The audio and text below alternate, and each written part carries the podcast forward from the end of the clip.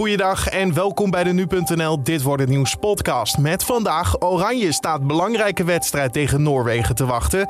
Kamer debatteert over coronamaatregelen en 2G.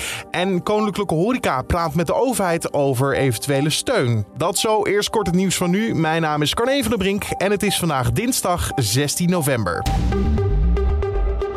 De coronamelder-app wordt veel minder gebruikt dan in het begin van dit jaar. Tijdens de lockdown en avondklok waarschuwde de app mensen twee keer zo vaak als nu het geval is. Blijkt uit een analyse van nu.nl. Het aantal mensen met de coronamelder is met een half miljoen gedaald, van 2,9 naar 2,4 miljoen gebruikers. Maar ook het waarschuwen van anderen gebeurt ook steeds minder vaak. Het ministerie van Volksgezondheid heeft aangifte gedaan tegen een testaanbieder. Die zou namelijk neppe vaccinatiebewijzen hebben gegeven. Het bedrijf heeft geen toegang meer tot het systeem van de corona-check en kan ook geen afspraken meer inplannen voor testen voor toegang. Mensen die nog een testafspraak hebben staan, worden door de aanbieder zelf geïnformeerd. Zij zullen een nieuwe afspraak moeten maken met een ander bedrijf. In het Groningse dorp Garrelsweer is afgelopen nacht een stevige aardbeving geweest. Met een kracht van 3,2 op de schaal van Richter. Zo'n 12 uur eerder werd in het dorp een lichtere aardbeving gemeten. Er zijn geen berichten over schade. Garrelsweer wordt, net als veel andere dorpen in Groningen, regelmatig getroffen door aardbevingen. Eh, de jarenlange gaswinning is één van de oorzaken. En prinses Amalia accepteert haar toekomstige rol als koningin, maar weet nog niet waar haar focus zal liggen. Dat vertelt de troonopvolgster aan Claudia de Brij in het boek Amalia, dat vandaag verschijnt. In het boek zegt Amalia: Als ik de wereld een heel klein stukje beter heb gemaakt, dan ben ik blij. Ze is in dienst van het land en ze geeft haar leven aan Nederland. Al dus de oudste dochter van koning Willem-Alexander. Dan over naar de dag van vandaag. Een spannende wedstrijd voor het Nederlands elftal vanavond. Ook nog eens in een lege kuip. Oranje neemt het op tegen Noorwegen in een belangrijke WK-kwalificatiewedstrijd. Een gelijkspel is genoeg voor Nederland om naar het WK in Qatar te gaan. Maar na afgelopen weekend, toen werd het gelijkspel tegen Montenegro, is het nog maar de vraag of Oranje daartoe in staat is. Wat voor stemming heerst er nu bij het team van bondscoach Louis van Gaal? Collega Julian Dom praat erover verder met voetbalverslaggever Riepke Bakker. Ja, ze zeggen dat het op dit moment ontspannen is en dat iedereen uh, weer de focus heeft en iedereen zich herpakt heeft van uh, wat er afgelopen zaterdag allemaal in Montenegro is gebeurd. Maar het is wel een enorme klap geweest, want 10 minuten voor tijd uh, dacht Nederland nog, we hebben een WK-ticket binnen en leek het WK-ticket zo goed als binnen. En nu is dat ticket niet binnen. En nu uh, dreigt er een rampscenario. Um, je moet winnen of je moet gelijk spelen tegen Noorwegen. En als er verloren wordt, dan kan het zomaar zijn dat Nederland ineens duikelt naar de derde plaats. En dan is Oranje alles kwijt. Hebben ze niet eens play-offs om een WK-ticket. Maar is het gewoon geen WK in kwartaar volgend jaar voor Oranje. Zelf in de hand dus, maar aan de andere kant, de Noren hebben het ook zelf in de hand. En die zullen, ga ik even vanuit, alles geven. Ja, en de Noren die moeten iets doen wat niet helemaal in, in natuur ligt. Uh, Noorwegen is een beetje een, uh, een stugge ploeg. En normaal gesproken zou je wel tevreden zijn met een gelijkspel tegen Nederland. Maar uh, dat is nu hoogstwaarschijnlijk, hangt natuurlijk af van Montenegro tegen Turkije. Maar hoogstwaarschijnlijk is een gelijkspel niet voldoende voor Noorwegen. Dus die moeten iets gaan doen, namelijk aanvallen. dat zijn ze niet helemaal gewend. Dus benieuwd hoe dat uitpakt. Het zou zomaar kunnen zijn dat dat in het voordeel is van Nederland. Dat er ruimte ontstaat omdat Noorwegen komt en dan ja, zou je het af kunnen maken. Als je dan kijkt naar afgelopen weekend, kan het wel snel beter dan tegen, Mont dan tegen Montenegro, Riepke?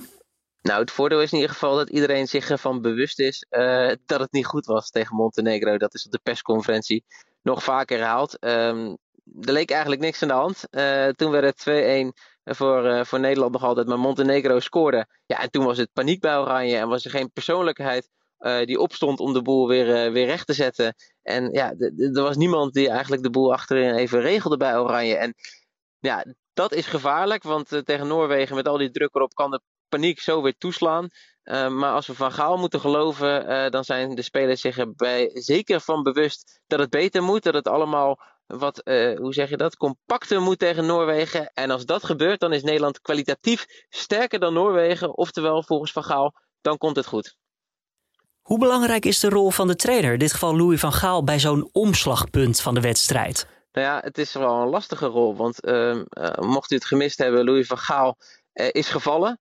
Ehm, hij heeft uh, een klein breukje in zijn heup. Dus hij zit in een rolstoel en wordt rondgereden in een golfkarretje. Hoe dat precies gaat in de Kuip, dat weten we nog helemaal niet. Maar hij zal overal bij zijn. En ja, dat tekent ook van Gaal. Hè. Hij is op dit moment heel belangrijk. Want Oranje is al met al toch nog altijd een relatief onervaren ploeg. Veel spelers hebben nog nooit een WK meegemaakt. En ja, dat kan van Vergaal niet gezegd worden. Hij is 70 jaar, een ervaren trainer. Een van de beste trainers die Nederland ooit gekend heeft.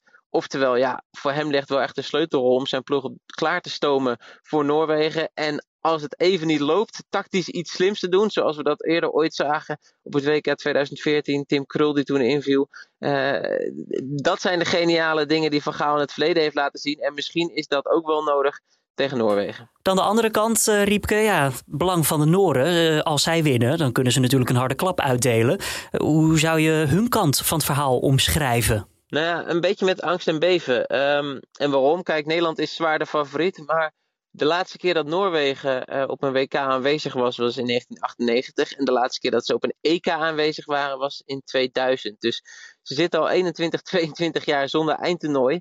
En, Noorwegen heeft een beetje, um, nou, ik zou niet zeggen het imago, maar zo leeft het in Noorwegen. Altijd als het erom gaat, als het moet in de kwalificatie, als we eindelijk weer een groot toernooi kunnen bereiken, dan gaat het mis. Dus ja, Oranje staat toch een beetje tegen een getraumatiseerd land in de Kuip. Een getraumatiseerde ploeg. Een, een, ploeg die nou ja, toch wel iets met zich meedraagt. En er wordt nu van Noorwegen gezegd, uh, Haaland, dat is de geblesseerde spits, de absolute sterspeler. Maar ze hebben bijvoorbeeld ook Eudegaard, een fantastische speler van Arsenal. Dat dit de nieuwe gouden generatie is. Een hele jonge, goede gouden generatie. En ze denken, ja, dit is wel het moment dat we eindelijk een keer een WK kunnen halen. Dus ja, laat het alsjeblieft niet weer misgaan. Voetbalverslaggever Riepke Bakker hoorde je daar in gesprek met collega Julien Dom. En gisteravond laat werd nog bekend dat keeper Justin Bijlo niet fit genoeg is voor de wedstrijd van vanavond.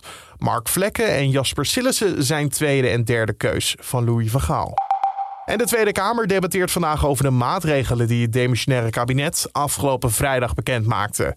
Tijdens het debat zal ook blijven of er in de toekomst steun is voor 2G. De maatregel waarmee alleen gevaccineerden of mensen die corona hebben gehad een corona-toegangsbewijs krijgen. En overleg vandaag tussen Koninklijke Horeca Nederland en justitieminister Vert Grapperhaus. En ook minister Stef Blok van Economische Zaken schrijft aan. Gaat allemaal over de coronamaatregelen en mogelijke financiële compensatie. Een van de plannen waar Koninklijke Horeca mee komt is een inloopmodel tot 8 uur. Gasten die dan binnen zijn mogen blijven tot de oorspronkelijke sluitingstijd.